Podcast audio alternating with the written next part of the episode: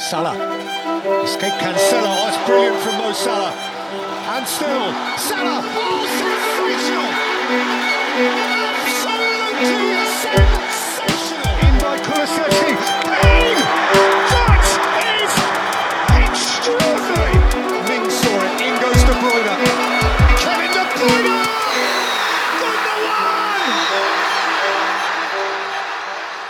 Välkommen till FBL ikväll. Vi är tillbaka och det är dags för omgång fyra. Vi har precis eh, avslutat omgång tre. Det var väldigt, det var väldigt mycket låga scorer i omgång tre. Hur gick det för dig Gustav? Ja, det blev 48 poäng tror jag landade på till slut och det är ju ingen. Ser man till att jämföra med de två första omgångarna så är det ingen bra score. Eh, Men samtidigt när man ser på Eh, ser på de som, eh, scorerna som konkurrenterna i, i ligorna runt omkring har så är det ingen katastrof. Det blir ju så när, eh, när Template bygger väldigt mycket på City, Chelsea och, och Liverpool-spelare, Arsenal-spelare också, men när, när City, Chelsea och Liverpool tappar poäng och släpper in mål alla i samma omgång, då kommer ju snittscoren dras ner rejält. Ja, du hade ju ändå en bättre omgång än vad jag hade. Jag fick, ja egentligen, jag tog en minus fyra Eh, så att eh, det blev 45 poäng med då minus 4, så egentligen 41 poäng. Ehm, för mig var det verkligen Perisic som gjorde min omgång och räddade upp den helt på egen hand skulle jag egentligen säga. Ehm, du hade ju, ja men du kan ju berätta själv egentligen vad det var som gjorde din omgång. Jag fick en eh, härlig hållen nolla på Louis Dunk, sex poäng bortom West Ham som, som jag inte hade förväntat mig. Eh, jag gjorde då bytena Robertson ut för Dunk och Bailey ut för Diaz. Då var det ju helt givet såklart att Bailey startade och gjorde assist direkt. Men, äh, så jag är ändå överlag nöjd med de bytena. Och det var Ramsdale höll nollan, Dunk höll nollan, Salah gjorde mål. Eh, och sen, eh, sen Haaland, Jesus, Martinelli också, men då, där sitter ju alla liksom. Eh, så det var egentligen eh, Ramsdale och Dunk som, som räddade upp det från att vara en riktigt dålig omgång som gjorde att det ändå blev en okej vecka för mig. Det roliga med mitt lag är ju att Perisic i backlinjen tar 12 poäng. Sen så tar Ward en poäng, Ake en poäng, James en poäng, Cancelo noll poäng och Trent noll poäng. Så att eh, totalt tog mina andra, eh, vad blir det då, fem spelare tre poäng i den och Perisic tar 12. Det är otroligt imponerande, speciellt när jag har Andreas Pereira med åtta poäng på bänken och Bailey med fem poäng på bänken. Så att, Ja, det, var- det är Sverige i backlinjen. Det ska ju sägas eh, med City-matchen att eh, Eh, jag sitter ju på Ruben Diaz som fick inleda på bänken och eh, du bytte in Ake som startade. Eh, då satt jag ju i en situation där jag inte jag var lite orolig för att Diaz skulle få hoppa in, att Stones kanske inte orkar 90 minuter. Men om han inte gjorde det skulle jag få in Andreas Pereira från bänken, 8 poäng.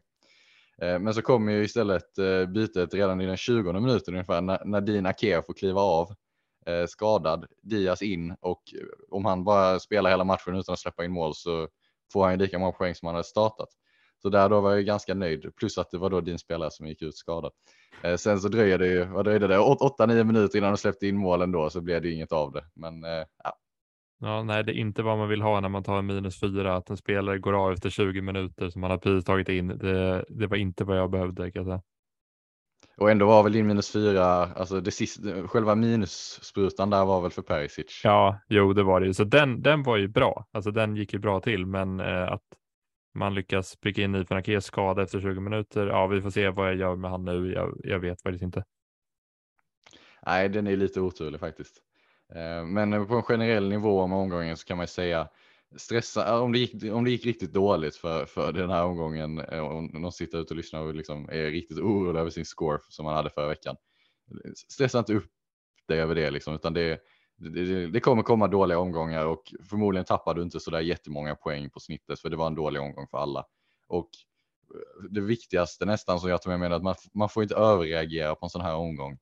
För att det kom, alltså sannolikheten att, att City, Liverpool och Chelsea eh, tappar poäng i samma omgång. Eh, eh liksom, det- den, den är inte så, det kommer inte hända så många gånger. Och eh, man kan inte, Liksom, det är så det blir när man bygger eh, med må, många dyra backar. Att, ja, ibland händer det att alla lagen släpper in mål samtidigt och då kommer inte omgången se så rolig ut. Men över tid så kommer det ge betalt. Ja, precis. Eh, ska vi gå vidare till eh, matcherna då som ska spelas inför omgång fyra? Det är ju lite speciellt då. Eh, nästan alla lag som man har spelar ju på lördagen. Eh, det är ju Chelsea, det är City, det är Liverpool, det är Eh, Arsenal, eh, det är, ja, Manchester United har ju kanske inte så många ifrån, men eh, ja, det är egentligen bara Tottenham som folk eh, som spelar på söndagen som folk har i sina lag egentligen. Men vi kan ju börja med första matchen då, 13-30 matchen som är Southampton mot Manchester United. Vad tror vi där? Det var ju, om vi ska prata om Manchester United, så var det ändå uppfriskande att se den insatsen som de gjorde mot Liverpool tycker jag. Eh, de spelade väldigt bra, förtjänade tre poäng där. Eh, men jag, jag är lite orolig för hur det kommer se ut när de ska föra spelet själva eh, och spela en lite annan typ av fotboll ändå. För att Southampton är verkligen inte lik Liverpool och det kommer bli en helt annan matchbild som jag är lite osäker på hur United kommer hantera. Eh, men det såg ju onekligen bra ut mot Liverpool så det är inte alls omöjligt att det blir att man kan rida vidare på den vågen och, och ta tre nya här. Nej, det, det, tror jag också att det kan bli. Jag tror att Martial kommer att starta den här matchen. Jag tror att eh, Jaden Sancho kan ha väldigt eh, bra chanser till poäng här i den här matchen när han möter Geneppo som spelar vänsterback numera i en fyrbackslinje, vilket är något man inte såg framför sig för några år sedan. Eh, och eh, ja, jag tycker att man kan ju egentligen aldrig lita på United. Det skulle inte förvåna mig om Southampton vinner 1-0 på Ward Prowse straff typ. Men ja, eh, jag vet inte. Jag, jag är lite svårt att förutspå den här matchen. Den kan gå lite hur som helst känner jag. Precis, och så här, man kan väl egentligen säga att sitter man på en United-spelare och har gjort det liksom de här tre första omgångarna, då är det klart man behåller. Det finns absolut ingen anledning att släppa eh, inför den här matchen, eh, för att det finns ändå en potential där. Men jag är väl tveksam till om man byter in en United-spelare i den här omgången. Bästa alternativet i sådana fall skulle jag väl säga är Marcus Rashford, eh, sett till priset och så vidare. Och då tycker jag att det finns andra alternativ i den kategorin som faktiskt lockar lite mer. Ja, speciellt när det är väldigt många som släppte Rashford förra omgången. Jag tror inte så många är så sugna på att ta tillbaka honom. Mm. Ja, nej, så att uh, den. Uh, det blir en spännande match att se. Det blir spännande att se hur United anpassar sig till en annorlunda matchbild. Men FBL-mässigt så är den ju inte jätterelevant eftersom det inte är så många som sitter med spelare. Nej, eh, då går vi vidare till Brentford-Everton och här är det ju såklart många som nu har hoppat på Ivan Tony. Eh, en spelare som jag hade stora delar av förra säsongen som jag inte blev klok på, men eh, i år så verkar han ju verkligen ha startat igång rejält och eh, ja, har ju gjort mål i princip i varje match känns det som. Ja, det är en otrolig start han har fått. Det är väl två mål och två assist och sånt de första mm. tre omgångarna. Eh, och det är ju, och det är ändå, ska sägas att när man satt inför säsongen och kollade på, på Tony som ett alternativ så var det ju att man tyckte att de två första omgångarna var lite småtuffa eh, och att schemat sen vände i omgång tre. Eh, men det visar ju sig att Leicester och Manchester United inte var särskilt stabila försvar i alla fall. Så han har ju fått en väldigt bra start på säsongen och schemat är bra fortsättningsvis. Everton nu i omgång fyra, sen Crystal Palace, Leeds, Southampton, Arsenal, Bournemouth. Alltså, jag har absolut inga problem med Tony som ett val. Hade jag dragit wildcard den här omgången så hade han varit högaktuell faktiskt. Jag tycker att han sticker ut i den priskategorin. Ja, jag håller med och jag såg Everton mot Nottingham Forest den matchen eh, förra helgen och eh, för ett lag som Nottingham Forest som ändå har ganska eh, stora problem just nu så alltså Everton, nej, det, det är ett skräplag alltså. Alltså tyvärr, men jag tror Brentford kan vinna det här med ja, 3-0. Inte alls omöjligt. Brentford är ju solida, eh, speciellt på hemmaplan ska jag säga och det kan man ju kan man ju inte säga om Everton. Det ser inte bra ut. Det ser verkligen inte bra ut. Så, så Tony är ju absolut ett alternativ. Eh, I övrigt i Brentford så eh, kan man ju Raja i mål finns. Eh, eh, det är ett bra alternativ till 4,5 även om jag förmodligen föredrar Sanchez där om man ska gå på en 4,5 målvakt. Ja, jag håller med. Jag, eh, jag föredrar också Sanchez. Det känns ju som eh, att om jag kollar Brentfords schema så är det ju, eh, det är ju ganska bra fram till omgång sju medan eh, eh, Sanchez har liksom bra match till omgång åtta. Så att eh, man får nog en extra match Om man skulle göra ett målvaktsbyte nu, vilket jag vet att eh, en hel del kommer göra med tanke på att Leicesters målakter inte gör någon glad.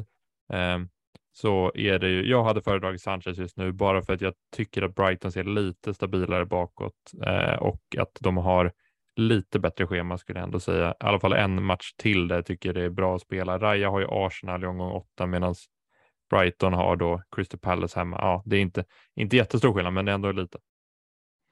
Och alltså, det är verkligen värt att trycka på hur stabila Brighton faktiskt är defensivt. Det är ett väldigt bra försvar. De har inte släppt till många chanser alls de här tre första matcherna.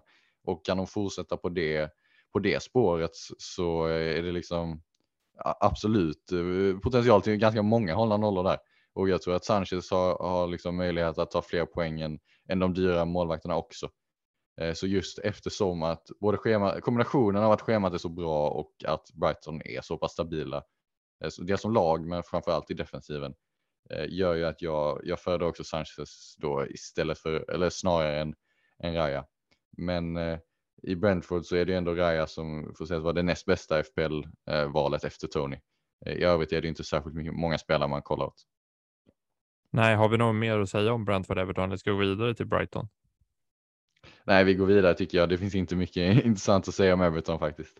Eh, mm. Så om vi, om vi pra fortsätter prata Brighton då egentligen efter Sanchez diskussionen så, så återigen liksom, trycka på att Brighton är ett väldigt bra lag och det här är inget lag man ska ser man att en spelare har, liksom, eh, har Brighton borta eller Brighton hemma i, i spelschemat så ska man inte tro att det är en enkel match. Jag hade inte velat vara speciellt sugen på att bindla spelare mot Brighton eller generellt ha mina anfallare spelandes mot Brighton.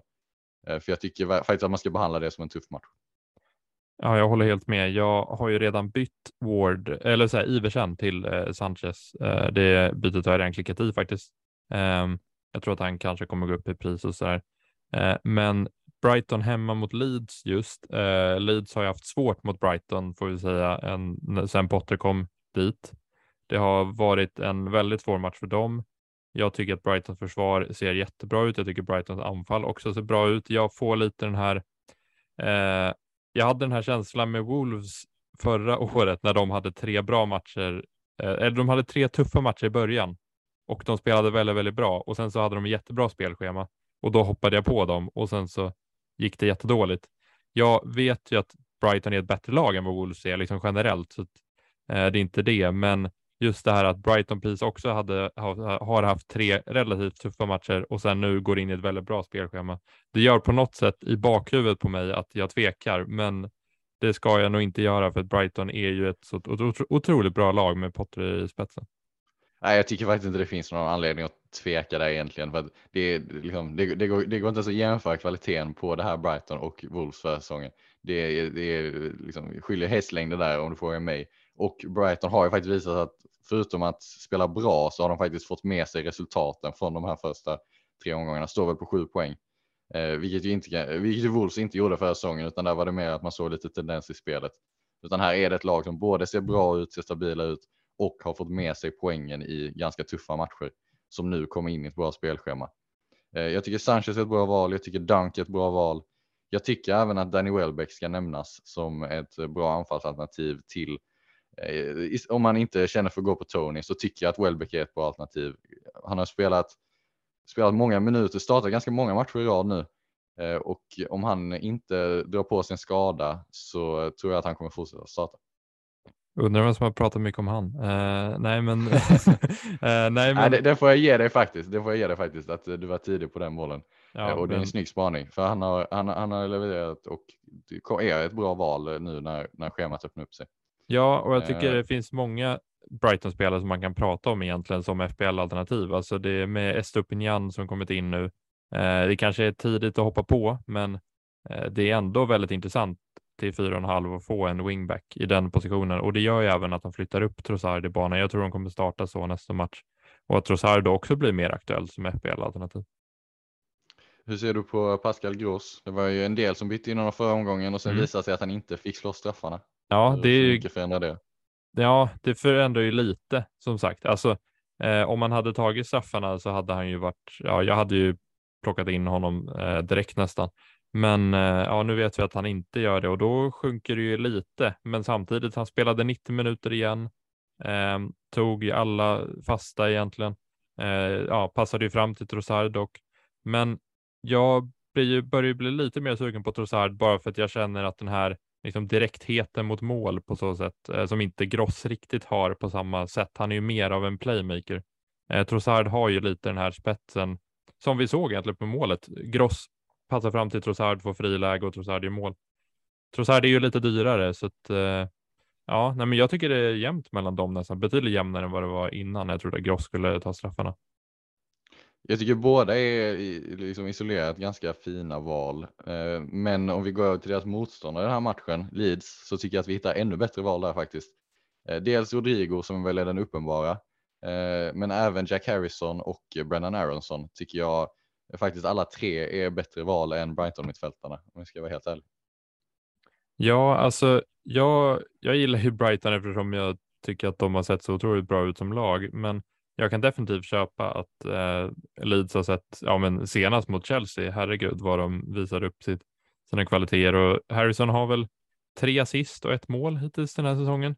Eh, otroligt imponerande. Jag tror att eh, han inte hade haft ett enda avslut, om jag inte helt ute och cyklar, nej, han hade inte haft ett enda avslut innan Chelsea-matchen.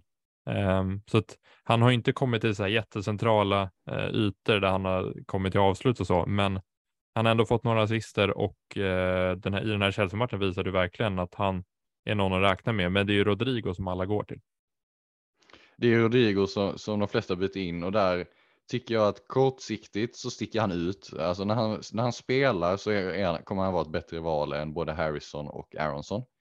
Eh, problemet som många Leeds-supportrar framförallt har lyft är att när både Bamford och Sinistera, Sinisterra, deras nyförvärv, är tillbaka så väntas eh, Marsh liksom, första val som frontfyra om man säger så. Är Bamf kommer vara Bamford på topp, eh, Aronson i sin naturliga position som nummer 10 och sen Harrison och Sinisterra på kanterna, eh, vilket i sådana fall inte lämnar plats för Rodrigo. Eh, och det är ju lite oroande och en edge som Harrison eh, kanske framförallt har där eh, speltiden kommer vara säkrare långsiktigt. Med det sagt så tror jag inte att både Bamford och Sinisterra kommer vara tillbaka så pass snabbt att Rodrigo blir bänkad någon av de kommande omgångarna. Utan jag tror byter man in Rodrigo så kan man räkna med att man får de kommande tre omgångarna i alla fall. Men sen kanske man får börja oroa sig lite för speltiden. Ja, men det är ju perfekt när det, om man tar ett wildcard i omgång sju eller omgång åtta och jag tror att man kan rida på den vågen eh, av form som Rodrigo ändå har. Ehm, jag tror att han, det känns ju jättekonstigt om man skulle bänka Rodrigo, liksom, även fast Bamford och Sinister är tillbaka bara på grund av den formen som Rodrigo är i och att han eh, har tagit eh, kaptensbindeln just nu i alla fall. Han kommer inte hålla den säkert eh, permanent, men han är ändå i så pass bra form så det skulle vara otroligt konstigt att se honom bli bänkad för Bamford eller Dan James eller ja, jag vet inte. Nu, ja. Dan James tror jag inte han kommer starta för, för Rodrigo, inte alls. men det som lyfts upp som främsta anledning är hur viktigt pressspelet är för eh, Leeds och deras system. Och jag tror att eh, det är ganska tydligt att Bamford ändå när han är frisk är första valet som anfallare. De kommer inte bänka Bamford. Eh, och Rodrigo som spelare, hans pressspel fungerar när han spelar anfallare. Men när han går ner på mittfält och hamnar i den rollen så är det lite mer tveksamt om, om han faktiskt klarar av den rollen. Och är väl den största anledningen egentligen till att folk, Leeds-supportrar tror att han inte har en plats i i March 11 när alla är tillbaka. Med det sagt, jag tror han kommer starta de kommande två till matchen. Då är schemat så pass bra att han absolut är ett bra val att byta in. Ja, det är något att hålla ögonen på i alla fall får vi ändå säga. Eh, ska vi gå vidare till Chelsea mot Leicester då, eller har du något att tillägga? Nej, vi går vidare eh, till Leeds motståndare från förra omgången, Chelsea. Som, som Chelsea-supporter var det ju ingen rolig match att, att kolla på. Det var eh, Nej, det, det var otroligt dåligt, eh, rakt igenom, eh, från Mendy hela vägen upp. Eh, mittfältet framför allt sticker ut hur, hur, hur dåligt det fungerade med Jorginho och Gallagher. Eh, det, det, avsaknaden av eh, Kovacic och Kanté som är våra två bästa mittfältare, eh, den, den, är, den är enorm och påverkar laget eh, både defensivt men också hur man spelar sig ur press och hur man fungerar offensivt så är de två spelarna väldigt viktiga. Eh, nu verkar Kovacic inte dröja allt för länge innan han är tillbaka, men det är lite oklart. Eh, de kommer inte spela mot Leicester med största sannolikhet, så att eh, jag är lite orolig där, främst för defensiven. Ja, jag tycker ändå att det är Kanté som är liksom den bärande spelaren där. Alltså, de har ju spelat Kanté och Jorginho de eh, första två matcherna och då har man inte tänkt direkt att, eh, att Kovacic har saknats supermycket. I alla fall inte, man har inte hört det från så många i alla fall på Twitter och så här att Kovacic är den som saknas. Men nu när Kanté skadas, då börjar man prata om att Kovacic och Kanté saknas. Så att jag tycker att Kanté är ju den stora liksom, länken. För Gallagher trodde jag skulle funka i den positionen. Han funkade inte mot Leeds. Ehm, jag vet inte hur de ska göra för att lösa det där, men nu möter de ju egentligen ligans sämsta lag här i Leicester, så att, eh, ja, det är spännande att se. Sen, sen blir man ju extremt frustrerad när Tuchel spelar världens bästa wingback som mittback. Det har jag så extremt svårt att förstå. För att Reece James är, alltså, utan att överdriva så är han Chelseas bästa offensiva spelare. Eh, när han spelar wingback. Han är den största nyckeln offensivt och den farliga, det farligaste offensiva hotet. Hur man kan, hur man kan eh, då fortsätta spela honom som mittback har jag väldigt svårt att förstå. Jag tror att han kommer flyttas upp Eh, till wingbacken nu mot Leicester. Det beror lite på, eh, Koulibaly drog på sig ett otroligt dumt rött kort, vilket gör att mittbackssituationen blir, blir lite klurigare. Men ska jag gissa så tror jag att Chilwell startar som vänster wingback. Eh, Kukureya går in som Eh, går ner till vänster mittback. Thiago Silva startar.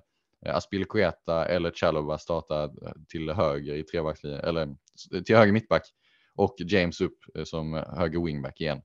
Loftus-Cheek fick ju chansen igen eh, mot Leeds, vilket jag kan köpa. Han var, han var väldigt bra mot Tottenham, men eh, så som det såg ut mot Leeds så måste Tuchel förändra här och jag tror att det är en sån rokad som kommer göras.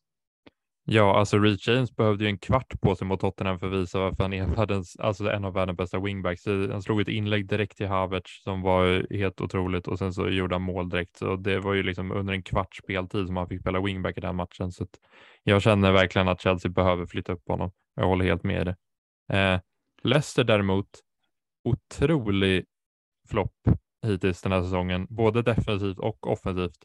Det känns som att de de skapar inte mycket. De, det är jättekonstigt att man inte kan skapa chanser mot Southampton på hemmaplan. Jag, jag förstår inte hur, eh, hur liksom, vad, vad som har hänt. Eller det måste vara någonting i klubben med att de inte får värva spelare eller någonting. Jag, ja, jag förstår inte.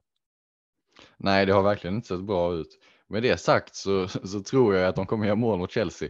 För att det, det ser inte bra ut försvarsmässigt för Chelsea. Jag tror att det här är en match som passar Leicester bättre på det sättet att de inte kommer vara bollförande i majoriteten av matchen utan eh, kan gå lite mer på omställningar.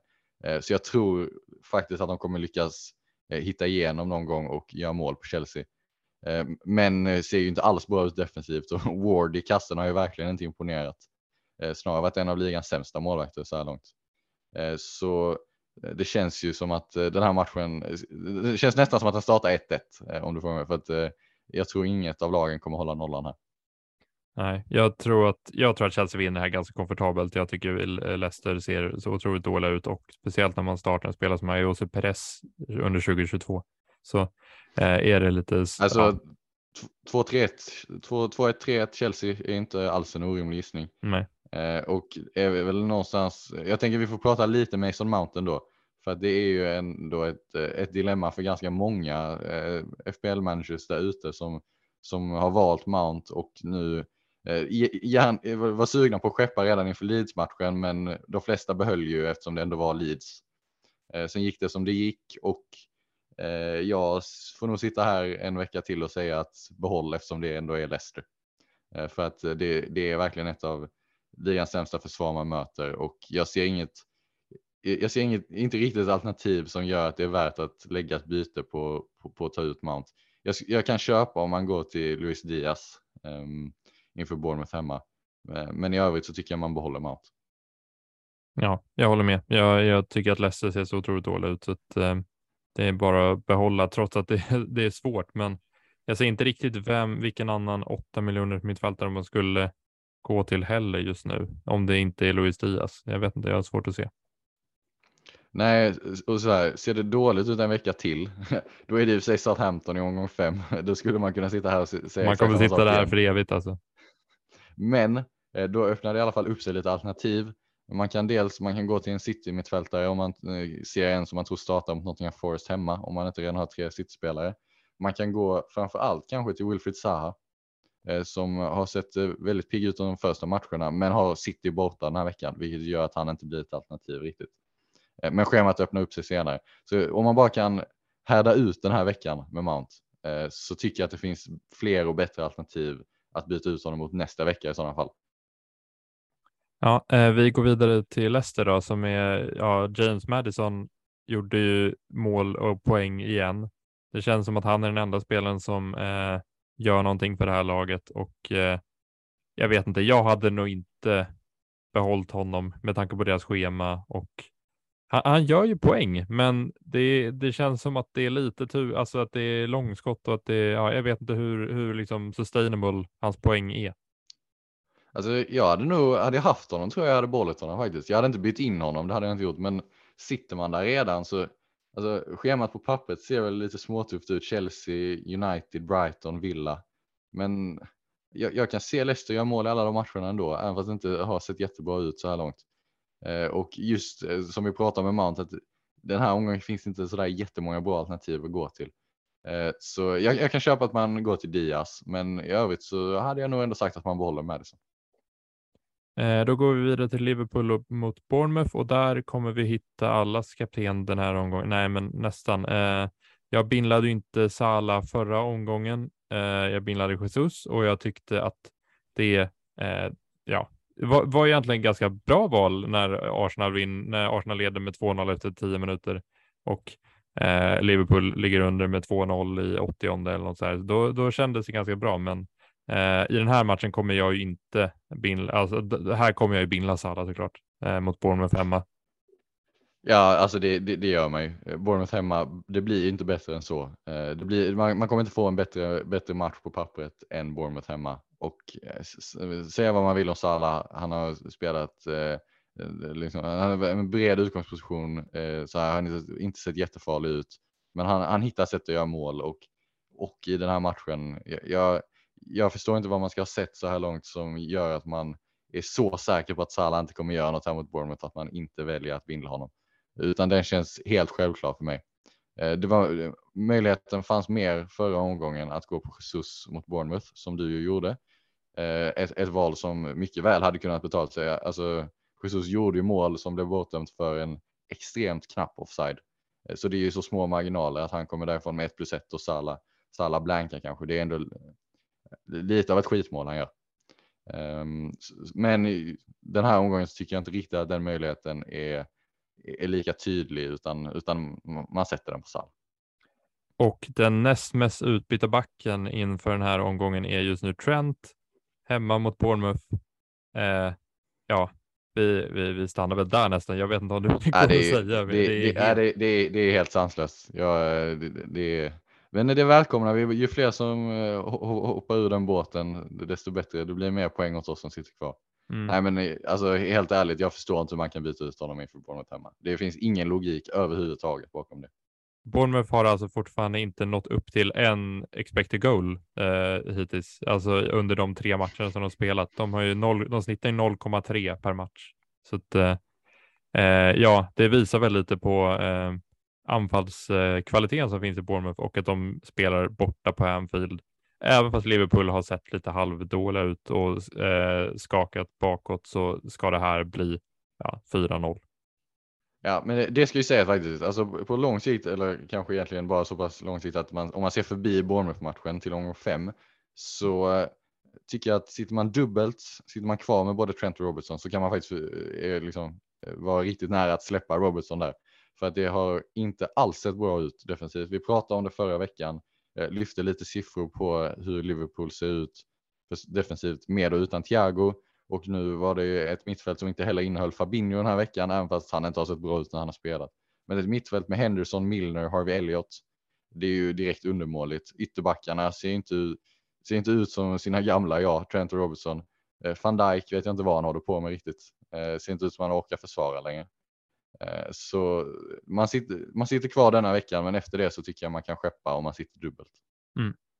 Exakt, eh, ja, men det håller jag helt med om. Eh, vi har väl egentligen ingen att säga om Bournemouth. Det, det kommer, eh, det kommer inte ha många veckor tror jag. Men eh, om vi går till City Crystal Palace så är det ju lite speciellt. Det är många som kommer ha Håland. Det börjar ju pratas mer och mer om att han kommer börja roteras. Jag tror inte han kommer roteras i den här matchen, men eh, det är ju något att hålla koll på framöver. Jag tycker Kevin De Bruyne ser otrolig ut. Jag tycker att det var kul att se Gündogan och Bernardo Silva på planen. Eh, senaste brukar vi inte få se och de var ju eh, väldigt bra eh, tillsammans. Framförallt Bernardo Silva som fick en ny roll där på högerkanten och det spelar ingen roll om Grealish är skadad. Ändå så spelar inte Mares. Eh, så att, ja, det är, det, är lite, det är lite kul med City. Det enda tråkiga är ju att Akea går ut skadad efter 20 minuter, men sånt händer. Ja, precis. Och de spelar ju den här väldigt märkliga träningsmatchen mot eh, Barcelona. Eh, ikväll blir det för oss när vi spelar in det här. Eh, och där får man ju hålla koll på när, när ni lyssnar på det här så är det mycket möjligt att ni vet hur den matchen har gått, vilka som har spelat, men man får hålla, vara liksom medveten om hur den startelvan ser ut. Och eh, jag, jag har ju svårt att tro att han skulle spela någon av sina viktigare spelare, men någon måste starta liksom och så står inte truppen. Eh, så att eh, de spelarna som startar den matchen kommer ju med största sannolikhet inte starta till helgen i Premier League. Men det är ju väldigt Pep Guardiola att spela de, eh, liksom de främsta namnen här i en sån här träningsmatch. Han brukar ju spela i de här onödiga, viktiga eh, i de här onödiga matcherna. Spelar han ju ett bra lag. Han spelar ju inte sina ungdomsspelare. Så att, eh, ja, vi får se. Ja, nej, det är ju en, det är en extremt konstig träningsmatch att lägga in mitt i säsongen. Det här är alltså sista veckan City har innan VM där man får en hel, eh, förutom ett landslagsuppehåll då, sista veckan eh, där man får en hel, veck, en hel träningsvecka egentligen utan någon match eh, mitt i veckan. Sen spelas det cuper och det spelas Champions League varje vecka eh, eller Premier League Midweek eh, hela vägen fram till VM. Och då väljer man ju att kasta bort den enda hela veckan man har för att åka till Barcelona och spela träningsmatch. Det är nu Håland startar mot Barca och vi sitter här och undrar vad vi ska göra. Nej, det, det, det är lite smått, smått panik, men vi får faktiskt lyfta med Håland.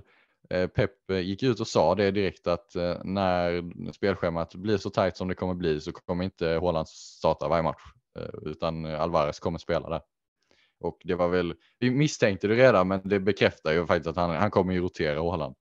Med det sagt så är det ju en väldigt svår spelare att byta ut. För att även om han kanske, dels kommer man inte riktigt veta om man, man kan gissa sig till om han kommer starta eller inte, men man kommer aldrig veta riktigt. Det bjuder inte pepp på. Och sitter han bänk så är det ju troligt att han hoppar in med 20 kvar. Och en, en pigg Håland som ska in och springa mot trötta försvarare sista 20, han kan göra två mål på det ändå. Liksom. Det kommer vara otroligt svårt nästa omgång när han har Nottingham Forest hemma och vi sitter och undrar om man ska rotera sig eller inte och om vi ska sitta, sätta binden där eller inte. Det kommer nog, många kommer nog sätta den där även fast eh, vi kommer förmodligen inte veta om man kommer spela en kvart eller en ja, eh, 70-80 minuter. Det vet vi inte. Men eh, ja, vill du säga något om det? Mm. Nej, men eh, alltså Binden är faktiskt ganska Jag tror att han kommer eh, börja på bänken mot något Vi får såklart se vad som händer eh, framför allt i helgen. Men eh, det, det, och vi får se hur eh, Champions League-lottningen blir. Eh, vilken match som kommer, hur svår motståndare City får i den här första CL-matchen då som kommer, eh, kommer midweeken efter eh, då omgång sex blir det. Eh, men jag tror inte alls det är omöjligt att Håland sitter bänk eh, hemma mot Nottingham Forest. Eh, och lite beroende på vad Pep säger och hur det ser ut, det får vi ta då. så kan jag se att man inte vågar sätta binden där. Jag kommer dock inte våga byta ut honom. Det, oavsett hur säker man är på det nästan för att det finns en sån, finns en sån höjd där även om han eh, bara får ett 20 minuters inhopp. Då pratar vi lite Crystal Palace tycker jag också för att där pratade vi en del om Wilfred Zaha om jag inte missminner mig förra avsnittet och han kom in och gjorde två mål eh, direkt mot eh, Villa. Eh, ja, en, en då på straffretur, vilket eh, sänkte hans poängskörd lite, men Eh, jag tycker att han ser alltså otroligt bra ut fortsatt. Kanske inte just mot City borta ska man inte plocka in honom, men eh, framöver till 7,1. Jag hörde ju något om att hans senaste 16 matcher har gjort 11 mål. Det är riktigt bra för en 7,0 mittfältare. Det är riktigt, riktigt bra eh, och när vi ser Eh, Eh, alltså när Pallas spelar, det har man ju sett genom alla år egentligen hur viktig han är för Pallas, men jag, jag tycker att det har blivit ännu tydligare senaste tiden eh, och att de, de letar efter honom ännu mer. Och när schemat vänder, vilket man ju skulle kunna argumentera för att det gör redan efter denna omgången, Då har man alltså avverkat Arsenal, Liverpool och Manchester City de första fyra matcherna. Eh, så kommer sen schemat då Brentford hemma omgång fem, Newcastle borta, Manchester United hemma, Brighton borta. Då omgång 58 och det, det, är ett ganska bra schema. Framför allt så när man drar wildcard sen, eh, då tror jag verkligen han kommer hitta in i laget för att då fram till VM sen så ser schemat ännu bättre ut. Men man kan byta in honom redan omgång fem. Eh, för, och det, det främsta argumentet nästan är ju att Champions League drar igång, toppklubbarna kommer börja rotera. Eh, Palace har inga sådana problem utan det, de, de får vila hela veckan och Zaha kommer ju spela om inte 90 minuter varje match så 80 minuter varje match i alla fall. Ja, jag tror det är en väldigt viktig faktor sen när Europaspel drar igång så att eh, många lag kommer spela två matcher i veckan och då kommer ju spelare som Wilfred Zaha eller ja, vad har vi att säga, Mitrovic eller ja, Madison, Tony. ja, Tony, precis. Eh, ja, många av de spelarna eh, är ju verkligen aktuella då, framför allt. Just nu sitter ju många på ja, men Arsenal, Liverpool, eh, City liksom. Och det, det förstår man ju att folk gör för att nu finns ju möjlighet till det. Men jag vet inte om vi kommer göra det framöver eh, så jättemycket. Det är ju många som klagar på att den här säsongen hittills är tråkig för att alla, gör, alla sitter på dem. Men jag tror att det kommer skiftas liksom framöver. Och det är som du säger, många som eh, klagar på att FBL är tråkigt just nu, att man bara sitter med spelarna från de här toppklubbarna och inte kan göra så mycket åt det liksom, för att schemat är så bra och de är så billiga. Eh, och det får man ju säga att FBL har ju misslyckats med prissättningen det här året. Det är alldeles för enkelt att bygga ett alldeles för bra lag, tycker jag. Men jag ser ändå att det kommer komma en skiftning här eh, när det är dags att dra wildcard. För mig så lär det med största sannolikhet bli i landslagsuppehållet mellan omgång 8 och omgång 9. Eh, det är en del skiftningar i spelschemat där, till exempel Arsenal som går från ett väldigt bra spelschema till ett tufft spelschema. Eh, och även lite sämre lag som kliver in i ett bra spelschema. Och då när man kombinerar det med att toppklubbarna kommer rotera eh, på grund av Europaspelet så tror jag att templet template kommer skifta här från eh, vissa av de här. Man kommer såklart behålla ganska många Liverpool City Arsenal spelare, men man kommer skifta ut några mot den här typen av spelare från de mittenlagen som man vet har garanterad speltid och som är bra spelare med bra schema. Tony, Mitrovic, Zaha, Madison, den typen av spelare som man inte ser i särskilt många lag just nu eh, eftersom det finns så många alternativ från topplagen. Men jag tror att framöver så kommer vi se att de hittar in i fler och fler lag. Det tror jag också och du nämnde ju Arsenal. Vi kan ju gå vidare till eh, 18.30 matchen. Arsenal spelade ju 18.30 matchen på lördagen förra helgen och nu spelar de den eh, den här helgen också. Den här gången möter de Fulham på hemmaplan. Det är några som har pratat om att bindla Jesus igen. Jag gjorde det förra omgången. Jag tycker att Fulham är betydligt bättre än vad Bournemouth är, så att jag känner att eh, det är inte för mig i alla fall den här omgången. Alltså instinktivt när man ser Fulham hemma så är ju liksom ryggmärgsreaktionen som FPL-spelare baserat på hur Fulham har varit tidigare gånger de varit uppe att det här är en väldigt, väldigt bra match eh, på pappret. Och eh, man, det, det, är det ju absolut. Det är ju en, en bra match för Arsenal ska ju vinna det här ganska bekvämt. Eh, speciellt på hemmaplan. Det är tuffare att möta Fulham på bortaplan. Men det är verkligen inte Bournemouth hemma, utan det är tuffare. Och just av den anledningen, jag tycker att om man ska, om man ska bindla Jesus istället för Salah så krävs det att det är, Jesus har Bournemouth ungefär. Det, det är då möjligheten finns. Eh, men Fulham är ändå så pass mycket tuffare och, och när Salah har Bournemouth så tycker jag inte att det är något snack om att binda. Eh, jag är väldigt imponerad av Arsenals försvar fortsatt eh, den här säsongen. Man, ja, Bournemouth i första eh, halvlek eh, mot Arsenal hade ju, inge, hade ju 0,0 expected goals, hade ju inte ens en bolltouch i straffområdet tror jag. Eh, så att jag är otroligt imponerad av hur bra kontroll Arsenal har på matcherna hittills. Ödegård gjorde ju två mål senast. Eh, jag hade några kompisar i mina miniligor som satt på honom eh, och det, ja, jag vet inte om det är en så bra FBL-spelare egentligen. Jag tror inte att jag kommer hoppa på på Ödegård eh, i alla fall. Nej, alltså när man ser till alternativen som finns så tar jag Martinelli före Ödegård alla dagar i veckan. Eh, om vi ska prata, alltså Arsenal finns ju inte så där jättemycket att prata om eftersom 90 procent av alla aktiva spelare sitter på Martinelli och Jesus i princip. Det är egentligen Saka som man kan diskutera och så är det försvaret. Och försvaret som du ser har sett väldigt bra ut för min del som sitter på Ramsdale så tycker jag nästan att det sett lite för bra ut.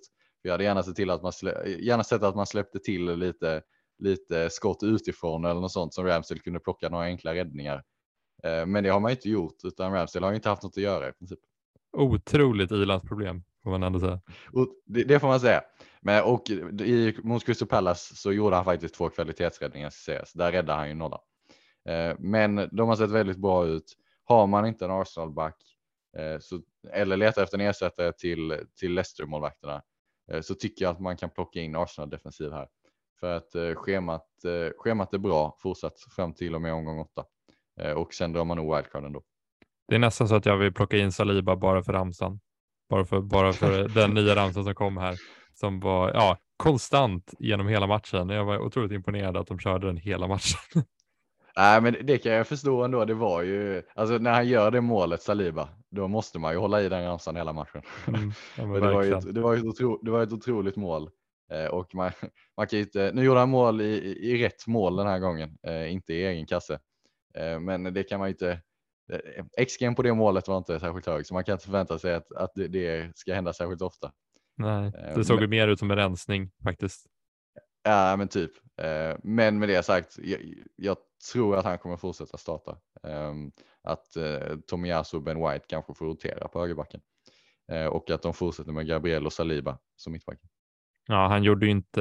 Jag tror inte han gjorde ett enda mål förra året i franska ligan och då startar han egentligen alla matcher så att man kan ju inte förvänta sig så många mål direkt därifrån. Eh, ska vi gå vidare till söndagen då? Eller ska vi prata någonting om Fulham? Det kan vi kanske göra eftersom det ändå finns lite eh, spelare. De hade en ny 4,5 anfallare som startade den första eh, den här säsongen som startade en Premier League-match. Eh, Stansfield till på kanten.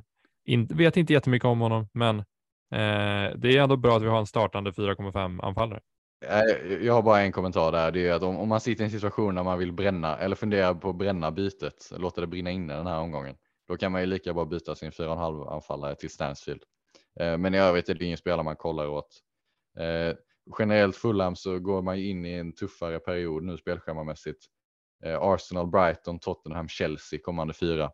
Jag hade inte plockat in Mitrovic. Jag hade Kanske inte sålt honom heller, men jag, jag, har man råd att göra Mitrovic till Tony så tycker jag att det är ett bra byte.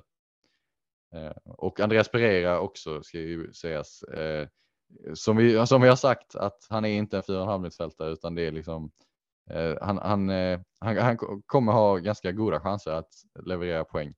Eh, speciellt på hemmaplan tycker jag. Så man kan starta honom i omgång fem när man har Brighton hemma. Men i övrigt så med spelschemat ska han ju sitta bänk. Ja, jag hade behållit Mitrovic i alla fall genom, även fast det är tufft schema. Det är, eh, alltså mot Brentford senast, han gjorde ju mål i 90 minuten, men han hade åtta avslut, fem skott på mål och missade fyra stora chanser. Han var ju otroligt målfarlig i den matchen. Han skulle ju såklart gjort betydligt fler mål eh, mot Brentford, men jag tycker ändå att man kan hålla honom genom det här tuffa schemat. Jag, jag, jag ser verkligen att de kan göra mål mot ganska många lag. Men om man tycker du inte om man har pengarna för Tony? Jag ska läsa spelschemat här. Kommande mm. fyra.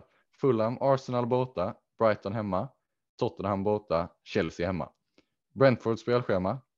Everton hemma, Crystal Palace borta, Leeds hemma, Southampton borta. Nej, alltså jag, jag, jag, hade, jag hade nog, alltså det beror helt på hur ens lag ser ut, men jag hade ändå eh, tänkt på om jag hade andra saker hade jag gjort det före eh, Mitrovic ut. Jag tycker att Mitrovic ja, eh, har visat egentligen i alla matcher att han har kunnat göra mål. Ja, nu är ju liksom Wolves och Brentford är ju enklare de matcherna som han har spelat än de som kommer upp nu. Men jag, jag tror att Mitrovic, att man kan hålla honom nästan eh, hela säsongen, att han gör ganska många mål mot egentligen alla lag. Eh, jag, jag har svårt att Ja, jag vet inte. Det beror såklart på vilka andra byten man behöver göra, men jag tycker inte det är ett byte som man liksom måste göra. Det är det jag känner. Nej, det kan jag köpa, men jag vill ändå eh, för att protokollet att har man råd med Mitrovic till Tony så tycker jag att man ska göra det bytet. Eh, har man inte råd med det så, så är, det, är det fine att, eh, att behålla Mitrovic. Då går vi vidare till um, Aston Villa mot West Ham. Där behöver vi inte säga jättemycket mer än att jag förmodligen kommer tvingas starta Bailey här eh, mot West Ham för att Ake är skadad. Tove Gerard gör samma sak. det är frågan. Eh, Bailey såg ju faktiskt alltså ganska bra ut får jag ändå säga. Eh, assisten mot Palace där och ett skott i kryssribban som var eh, otroligt nära. Eh, alltså han är ju typ Aston Villas alltså, bästa anfallare tycker jag nästan den här säsongen. Jag, jag, jag, ja, jag vet inte. Jag, jag, tycker att han ska få mer speltid. Jag tror att han kommer få spela eh, den här matchen. Det är helt omöjligt att förutspå egentligen, men nu när Danny Ing spelade, de spelar jättestarkt lag i kuppen här. Eh, för, jätteförvånande. Nej, det, går ju, det, det, går inte att förklara vad Gerard håller på med egentligen. Han, ja, nej, det, jag vet inte vad man ska, man ska säga om det, men, men eh, jag håller ändå med om att tvingas man starta Bailey. Jag hade startat Bailey före Nico Williams eller Andreas Pereira den här veckan, utan tvekan. Eh, West Ham är ju rejält under isen just nu. Står väl på noll poäng efter tre omgångar. Mm, eh, och ja. Och generellt har inte, har inte liksom kommit upp i nivå de här, de här tre första matcherna. Så med det sagt så är inte Villa det typen av lag som, som kan gå ut och liksom städa av eh, sådana lag som West Ham, utan jag, jag tror det kommer bli en ganska jämn match. Men jag hade ändå startat Bailey före Pereira eller Williams. Ja, eh, då kan vi prata, ska vi prata lite West Ham? Det finns ju inte så jättemycket att prata om. Bowen är ju nere på 8,3. Han kanske kommer vara liksom nere på 8,0 när vi väl börjar kolla på honom som alternativ och då hade han ju kunnat vara intressant. Men just nu som West Ham spelar, eh, det enda som kan egentligen eh, börja eh, få dem att bli intressanta för mig är ju om de värvar eh, Lukas eh, Paketa eller vad han nu heter som offensiv mittfältare, för han gillar jag verkligen som spelare. Det hade varit intressant att se honom i West Ham-tröja. Han ryktas ju ganska kraftigt. Alltså Bowen, eh, när man drar man wildcard omgång 9 så är West Ham spelschema därifrån. De, omgång 9 till, till omgång 13, de fem omgångarna, så, så hinner man med att möta Wolves, Fulham, Southampton och Bournemouth. Eh, så om han har gått ner lite till i pris då och West Ham har, har steppat upp lite så är han ett alternativ då. Eh, även Emerson som man har värvat från Chelsea kostar ju 4,0 i spelet vänsterbacken alltså. Eh, återstår att se om han tar en startplats. Eh, inte helt säkert, men om han gör det så tycker jag att eh, när schemat vänder så, så är han i sådana fall eh, den bästa 4,0 backen faktiskt. West Ham-fansen verkar ju tycka att han ska starta med tanke på att Cresswell har varit så dålig under senaste tiden. Så att, eh, det är inte helt omöjligt att vi får en 4,0 back och det hade varit väldigt eh, bra för våra FBL-lag tror jag. Eh, ja, men eh, vi, generellt med West Ham så kan man ju säga att vi får, vi får avvakta och se och så, och så uh, kolla närmare på dem när schemat vänder, vilket ju är ganska långt bort fortfarande. Precis, det var ingen superdebut av eh, Kerrer heller, eh, den nya mittbacken. Nej, det var, det var inget vidare agerande på Staffan där, det kan man inte säga. Eh, då går vi vidare till Wolves mot Newcastle, ett Wolves som jag var väldigt imponerad av mot Tottenham, även fast man inte vann den matchen så eh, ja, nu återkommer det här med inte vinna matcher och vara imponerad av Wolves, men eh, ja, jag tycker ändå de såg väldigt bra ut med eh, deras nya värvning eh, som gick in direkt från start, eh, Nunes. Och jag tyckte de kontrollerade mittfältet på ett sätt som eh, jag var väldigt eh, imponerad av med tanke på att eh, Ja, jag tycker inte Spurs var särskilt bra i den här matchen. Jag tycker inte de kom till så jättemycket mer än det målet som de väl gjorde på en hörna. Men att Wolves med sina nya spelare med Guedes och att Raúl Jiménez är tillbaka. Jag tycker ändå att de ser ganska bra ut. Jag vet inte vilket FPL-alternativ jag hade valt dock från dem. Nej, det är där man landar att det förmodligen inte är något. Pedro Neto som fick spela wingback mot eh, Tottenham och eh, där hade jag väl. Eh, jag, har man råd att gå till Harrison eller Rodrigo eh, eller till och med Gross så hade jag nog gjort det från Neto faktiskt. Eh, jag är inte, jag, så här, jag håller med om att de såg bra ut spelmässigt mot Tottenham. Men när det gäller att skapa högkvalitativa målchanser och den typen av chanser som resulterar i mål så tycker jag inte att vi har fått sett till hur mycket från, från Wolf så här långt som, som gör det värt att investera i, i mittfältare eller anfallare från dem.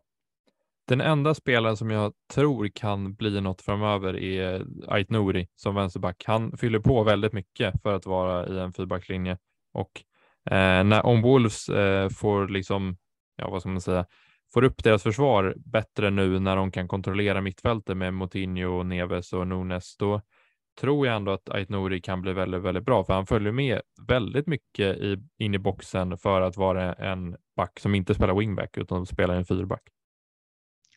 Och lite liknande West Ham så får vi faktiskt vänta och se där. Mm. Eh, spelschemat blir eh, omgång 7, 8, 9, 10 så, så är det inte roligt alls. Eh, och eh, det är ingen som funderar på att eh, ta in en, ta in en Wolfsback just nu. Men Nej. med det sagt, på lång sikt eh, under perioden när schemat är bra så håller jag med om att Ait Nouri kan vara ett alternativ förutsatt att Wolves eh, steppar upp och faktiskt tajtar till det där försvaret lite.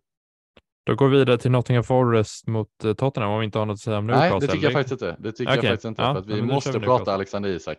Vi måste Mm, prata det är sant, Alexander det är sant, det är sant. Eh, det var- är inte bekräftat att han ska är klar för Newcastle, men det ser väldigt troligt ut får man ju säga.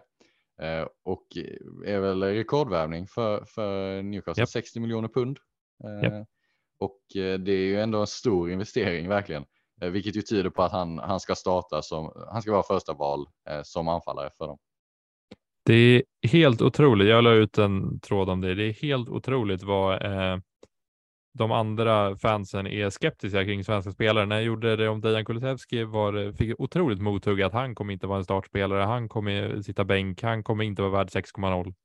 Eh, samma sak med Alexander Isak nu. Folk vill ha han till liksom 6,0 och att han inte kommer starta före Callum Wilson. Ja, jag, jag förstår inte riktigt den här grejen.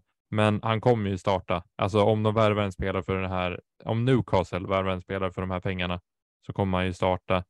Eh, jag vet inte hur de kommer lösa det med Callum Wilson, om de kommer spela två på topp eller om de kommer spela eh, med 4-3-3. Jag vet inte riktigt hur de kommer lösa det, men vi vet att Callum Wilson inte håller sig frisk Eh, överhuvudtaget.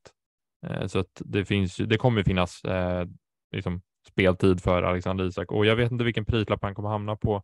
Jag skrev att han kommer hamna på 7,5 till 8,0, men det var ju för att Callum Wilson eh, också ligger på 7,5.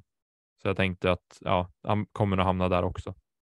Alltså eftersom Callum Wilson kostar 7,5 så hade jag också gissat på 7,5. Men det är en, jag skulle vilja säga att det är ändå närmare 7,0 än vad det är 8,0. För de kan inte sätta honom på samma pris som Jesus. Det går inte att försvara faktiskt. Nej, men det är ju en jättedålig prissättning på Jesus och det förstör ju liksom hela här. Jesus ska ju inte kosta 8,0 Det är det som. Nej, han, han gör ju det. Han gör ja, ju det. jag vet. Det är, ja, det är, det är dålig prissättning, men ja, eh, det är ju otroligt intressant att se att Alexander Isak kommer till Newcastle. Det ska bli väldigt kul att se. Jag har inte kollat alla hans matcher i La Liga eftersom jag kollar mycket mer Premier League, men eh, otroligt kul som sagt. Ja, vi vet ju ändå vilken höjd han har Isak. Eh, och det har inte, det har inte flutit på så där jättebra senaste säsongen, men samtidigt så har Sociedad eh, liksom stått för en ganska defensiv eh, fotboll ändå får man ju säga. Och chansen finns ju att han kommer in i ett lag här som faktiskt skapar fler chanser och att han kommer få fler målchanser. Vi vet att han är en bra anfallare. Och schemat för Newcastle eh, vänder ju i omgång 6 eh, och då är det bra i princip hela vägen till VM. Eh, så jag kan mycket väl se, kostar Alexander Isak 7,0, kanske till och med han kostar 7,5, så kan jag faktiskt se att han hittar in i, i ens bygge någon gång. Men eh, man måste se hur de löser det med Callum Wilson för- först. Man vill ju ha någon gång under eh, året att man har Alexander Isak och Kulusevski i laget. Kanske med Elanga på bänken. Ja, det hade ju varit eh, otroligt fint.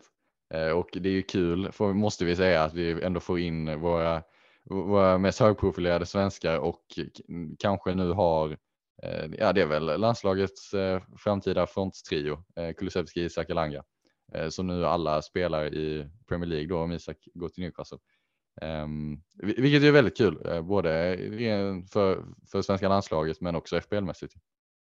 Då går vi vidare till Nottingham Forest mot Tottenham tycker jag och eh, här tror vi ändå att jag tycker att Nottingham Forest såg ju ganska dåliga ut mot Everton. Alltså man märker verkligen att det är ytor i den där backlinjen. Alltså jag tror att Nottingham Forest egentligen är typ ligans sämsta försvar nästan. Eh, jag, jag är verkligen inte eh, liksom imponerad av att se bakåt för dem. Eh, sen däremot på hemmaplan. Ja, det kan nog säkert bli lite bättre här mot Tottenham på hemmaplan, men jag tror ändå att Tottenham kan rinna igenom här ganska eh, så rejält med Son är ju inte i form överhuvudtaget, men Kane eh, Perisic om han startar igen, eh, Kulusevski. Jag tycker alla är väldigt bra val den här matchen. Alltså man kan ju säga att eh, ja, men, eh, Nottingham kommer tajta till det på hemmaplan, men förra hemmamatchen, West Ham, de höll förvisso nollan, men släppte till en XG på 2,7 och det är ju, det är ju extremt. De är, det är ju verkligen ett, eh, ett försvar som inte håller Premier League nivå just nu och speciellt i den ytan bakom Nico Williams som ändå trycker på framåt så finns det ytor där bakom honom, eh, både för Son och för Perisic eh, speciellt. Så jag tror att, att Spurs kommer utnyttja den kanten och borde göra tre mål den här matchen. Mm, jag håller med. Och Kane, eh, om det inte hade varit för att Liverpool hade Bournemouth hemma så hade jag sagt att Kane kanske är det näst bästa kaptensvalet den här omgången. Jag är inte riktigt lika övertygad. Jag tycker inte att han har sett, alltså, eh, jag tycker inte han har sett riktigt eh, så, eh, liksom, att han har hittat in riktigt de ytorna, fått, ska, fått riktigt de chanserna som man vill att han ska få för att det ska kunna smälla ordentligt där. Alltså, han, han kommer göra sina mål såklart och det, det kommer ju bli bättre, men man märker ändå när Son inte komma upp i nivå att det påverkar Kane. Eh, och när Son inte finns där riktigt på samma sätt, för eh, vi får ändå säga att Son har varit eh, svag första tre matcherna. Så tycker jag inte att jag, jag hade inte vågat. Det, man ser en del som är inne och funderar på Håland till Kane bytet med tanke på att man förväntar sig kanske rotation på Håland. Det hade jag ju absolut inte rekommenderat. Jag tycker inte man har sett tillräckligt mycket från Kane för att det ska vara nära att vara värt det bytet. Nej, det är sant att Son eh, har ju verkligen underpresterat och det påverkar också Kane får vi säga. Den spelaren som ser bäst ut i det här anfallet är ju Kulusevski. Eh, otroligt imponerad av hans säsongstart. Jag tror att han behöver någon bättre höger wingback bredvid sig som inte heter Emerson Real, utan jag vill ju gärna att Doherty ska komma in där när han är frisk, för nu är han nere på 4,7. Han kommer bli ett otroligt fynd om han startar. Jag tycker han är bättre än Emerson Royal när han väl spelar, men Eh, ja, jag vill bara säga det. Håll ögonen på Docherty kan jag säga, för 4,7 är en otrolig prislapp för en Spurs wingback. Vi såg ju förra säsongen när han startar vad han kan göra och jag har inga tvivel om att när han eh, kommer in i en period av att han får starta regelbundet så kommer han finnas i en klar majoritet av alla aktiva eh, FPL managers lag. Kulusevski så har ju den breda massan av FPL-spelare deras största motargument mot Kulusevski att välja honom är ju och har varit eh, rotationsrisken med Richarlison.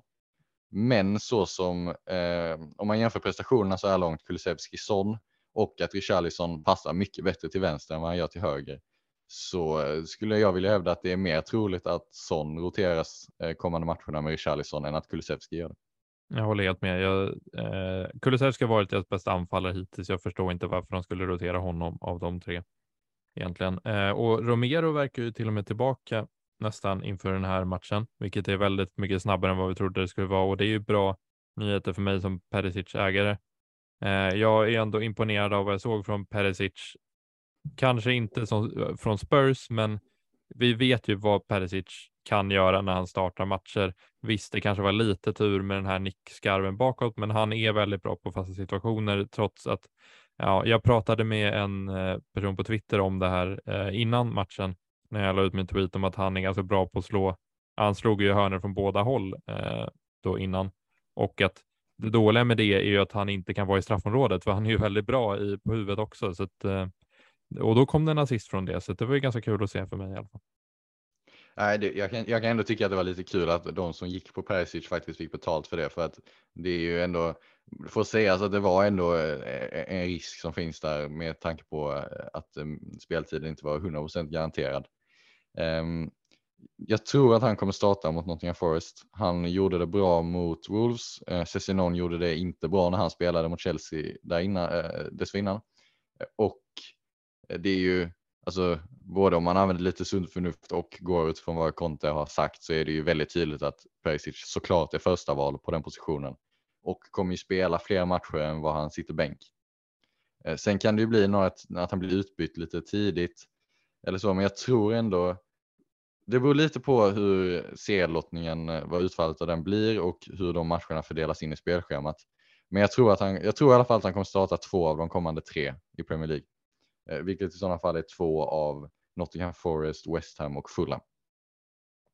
Ja, jag, jag, jag köper det ändå. Det är ändå svårt att förutspå sådana här grejer, men eh, ja, vi försöker vårt bästa som FBL-manager så eh, läsa liksom hur rotationen kommer funka. Men ja, och sen jag är inte, ja, jag har inget problem med att se Perisic hoppa in i 30 minuter heller egentligen. Eh, han kan ju göra saker på den tiden också. Men eh, ja, har vi något att tillägga om Spurs, Nottingham Forest eller känner vi oss klara den matchen? Nej, jag, jag, tycker att vi har täckt in det mesta ändå. Det är ju, alltså, som jag ser det, man, man behåller alla Spurs-spelare som man har om man sitter på någon, såklart. Eh, om vi pratar om att byta in så tycker jag egentligen att Perisic är den enda spelaren som man kan faktiskt överväga rejält att byta in där. Eh, jag, jag tror på Kulusevski den här veckan, absolut, men det förutsätter att man byter ut en 8 miljons mittfältare och då tycker jag att Diaz är ett bättre alternativ att byta in om man inte har honom redan. Eh, och Kane och Son är ju Ja, Son är ju inte ett alternativ överhuvudtaget just nu, men jag tycker också att Kane är, är lite för dyr sett till vad man får där. Hur ska du göra med ditt lag då? Eh, har du några tankar vad du ska göra inför den här omgången? Jag var ganska eh, liksom bestämd mig att jag skulle spara byt den här veckan. Eh, jag, kan, jag har ett, som de flesta andra ett otroligt lag på pappret. Jag kan bara läsa upp det. Eh, Ramsdale i mål, Fulham hemma. Diaz, Cancelo, Crystal Palace hemma. Eh, Trent mot Bournemouth hemma. James Leicester hemma. Dunk, Leeds hemma. Mittfält med Salah och Diaz mot Bournemouth hemma. Martinelli, Fulham hemma. Och ett anfall med Haaland mot Palace hemma och Jesus, Fulham hemma. 11 hemmamatcher mot eh, botten eller mittenlag. Och det är ju poten potentialen finns där för en extremt hög score den här veckan. Och det givna är ju egentligen att spara bytet med det sagt så finns det ett byte som lockar mig lite och det är att byta ut Ruben Diaz och plocka in Perisic. Det finns egentligen två anledningar till det. Det ena är att Diaz inte är 100% given. Nu får vi se. Vi måste få en skadeuppdatering på Ake, hur länge han blir borta. Eh, han missar ju Barcelona-matchen, men det, Pep har inte sagt något om hur länge han blir borta. Eh, om han är borta jättelänge så kanske jag behåller Diaz eftersom då är speltiden mer garanterad. Men om han inte är borta så länge så är det lite risk för speltiden på Diaz och Perisic har sån otroligt hög höjd. Eh, så jag, är ju liksom, jag, jag, tycker att det kan vara värt att ta risken med speltiden där. Och andra grejen är att om jag gör det så frigör jag en cityplats eh, där jag potentiellt, om Liverpool inte ser jättebra ut mot Bournemouth, så kan jag byta Luis Diaz i omgång fem eh, när Liverpool har Newcastle. Kan byta honom mot Gindogan eller Foden eller vem man nu tror, eh, vem det ser ut som startar för City mot Nottingham Forest hemma i omgång fem. Eh, och i sådana fall kan jag då eh, sikta in mig på Forest både i omgång fyra med Perisic och omgång fem med en City-mittfältare. Det lockar lite. Mm. Eh, och för min del så har jag redan bytt eh, Ward mot Sanchez. Jag Kommer nog inte ta någon minus fyra. Eh, vi får se hur länge Ake är borta som sagt. Eh, just, så just nu startar ju Bailey om han inte kommer vara frisk till helgen eh, mot West Ham hemma. Jag har då Ake på bänken. Eh, jag får se om Ake är borta längre. Då vet jag inte om det är värt att ta en minus fyra. Jag kommer nog ändå inte nå upp till någon eh, särskilt bra back som jag vill ha. Jag kommer ha 5,1 på banken jag vet inte, jag når inte upp till Sinchenko. Det kan ju liksom då, ja, jag vet inte. Gabriel. Gabriel eller ja, Saliba hade det kunnat varit typ. Um, ja. ja, det, det, är någon, men eh, ta minus fyra för nej, det känns inte rätt. Alltså, den kommer ju, den, den kommer ju med största sannolikhet betala av sig, eller den kommer ju betala av sig på eh, så pass lång sikt som det är fram till wildcardet. Sen kan du ju faktiskt starta Bale den här veckan, skjuta upp bytet, göra det gratis nästa vecka. Mm. Eh, vilket jag nog skulle tro är ett bättre sätt att spela. Ja, exakt. Och om Ake är frisk så har han ju Nottingham Forest hemma. Som sagt, om han, om han då kommer in i elvan igen. Vi får se. Men eh, ja, det är egentligen det och eh, vi har ju några frågor som vi kanske ska gå igenom. Eh, då har vi då frågan, vi har, vi har ju lite svarat på det här, men eh, Fillekingen undrar vem som är bäst av Rodrigo, Harrison och Aronsson. Jag skulle säga att eh, det är i den ordningen som man har ställt frågan. Rodrigo bäst, sen Harrison och eh, Aronson tredje. Det hänger lite på vad man har råd med. Mm. Eh, jag håller nog med faktiskt. Eh, jag skulle inte säga någon annan ordning. Eh, då går vi till eh, eh Madrid Ismo 04 som undrar bästa 4,5 back man kan ta in. Jag vet inte om, för mig är det ju Saliba om man har 0,1 extra. Men eh, ja, eh, Louis Dunk eller Stupinian? Louis Dunk säger jag, har honom i laget, väldigt nöjd med det. Eh, har man bara 4,5 så tycker jag man går på Dunk. Har man lite extra så går man på Saliba. Ja, jag håller med. Eh, när enligt er ska man dra sitt första wildcard under DIV supporter? Omgång nio har jag planerat det. Eh, lite som jag nämnde innan. En, en kombination av att eh, spelschemat svänger för en del lag och att vid det laget så kan man, eh, har man samlat på sig tillräckligt mycket information om hur topplagen kommer hantera eh, Europaspelet rotationsmässigt. Man eh, kommer veta ungefär vilka spelare som är rotationsrisker där och vilka som inte är det och hur mycket lagen roterar. Eh, och det sammantaget gör att jag tycker det är det bästa tillfället att dra wildcard i landslagsuppehållet inför omgång 9. Eh, vi tar en sista fråga här då, som är från eh, FPL Jens, alltså Oskar, som undrar, har ni några transfer targets utanför Big Six och vilken formation ser ni som optimal? Eh, som har pratat om det här avsnittet tycker jag att Wilfried Zaha, Tony, Rodrigo, de tre som sticker ut utanför topp 6. Och Brighton spelar. Och Brighton spelare. Eh, när det gäller formationen så, så gillar jag fortfarande 5-3-2. Eh, jag sitter med den just nu. Jag tycker, känner mig ganska trygg med det. Det finns ett väldigt bra värde i backarna.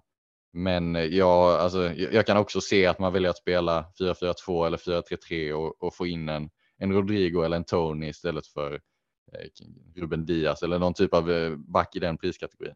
Så, men fyra backar tycker jag man ska ha. Eller? Ja, jag, jag tycker också att fyra backar känns som det bästa. Om det är 4-4-2 som jag kommer köra nu med Bailey, om, om det är 5-3-2 med Akea. Alltså det, ja, det, det är ju som lite, eh, det spelar som ingen roll egentligen. Eh, har vi något mer att säga eller ska vi börja runda av? Vad känner du? Nej, vi kan ju säga inför nästa omgång att det är ganska tajt med inför deadline där. Det, det är ganska kort svängningar mellan omgången. Eh, det är en midweek som drar igång redan på tisdag och omgång fyra avslutas på söndag. Eh, vårt mål är att skicka ut eh, ett avsnitt söndag kväll så att ni kan lyssna på det under måndag. Precis, och då ska vi försöka ja, ladda upp det så snabbt som möjligt och då kanske vi får lite mer eh, ja, eh, intryck direkt från eh, matcherna som har varit då. Precis, och ni får våra tankar nästan live får man ändå säga. Då tackar vi för oss idag. Hoppas ni tyckte det här var roligt att lyssna på. Hoppas ni har en fortsatt bra vecka och lycka till i omgång fyra då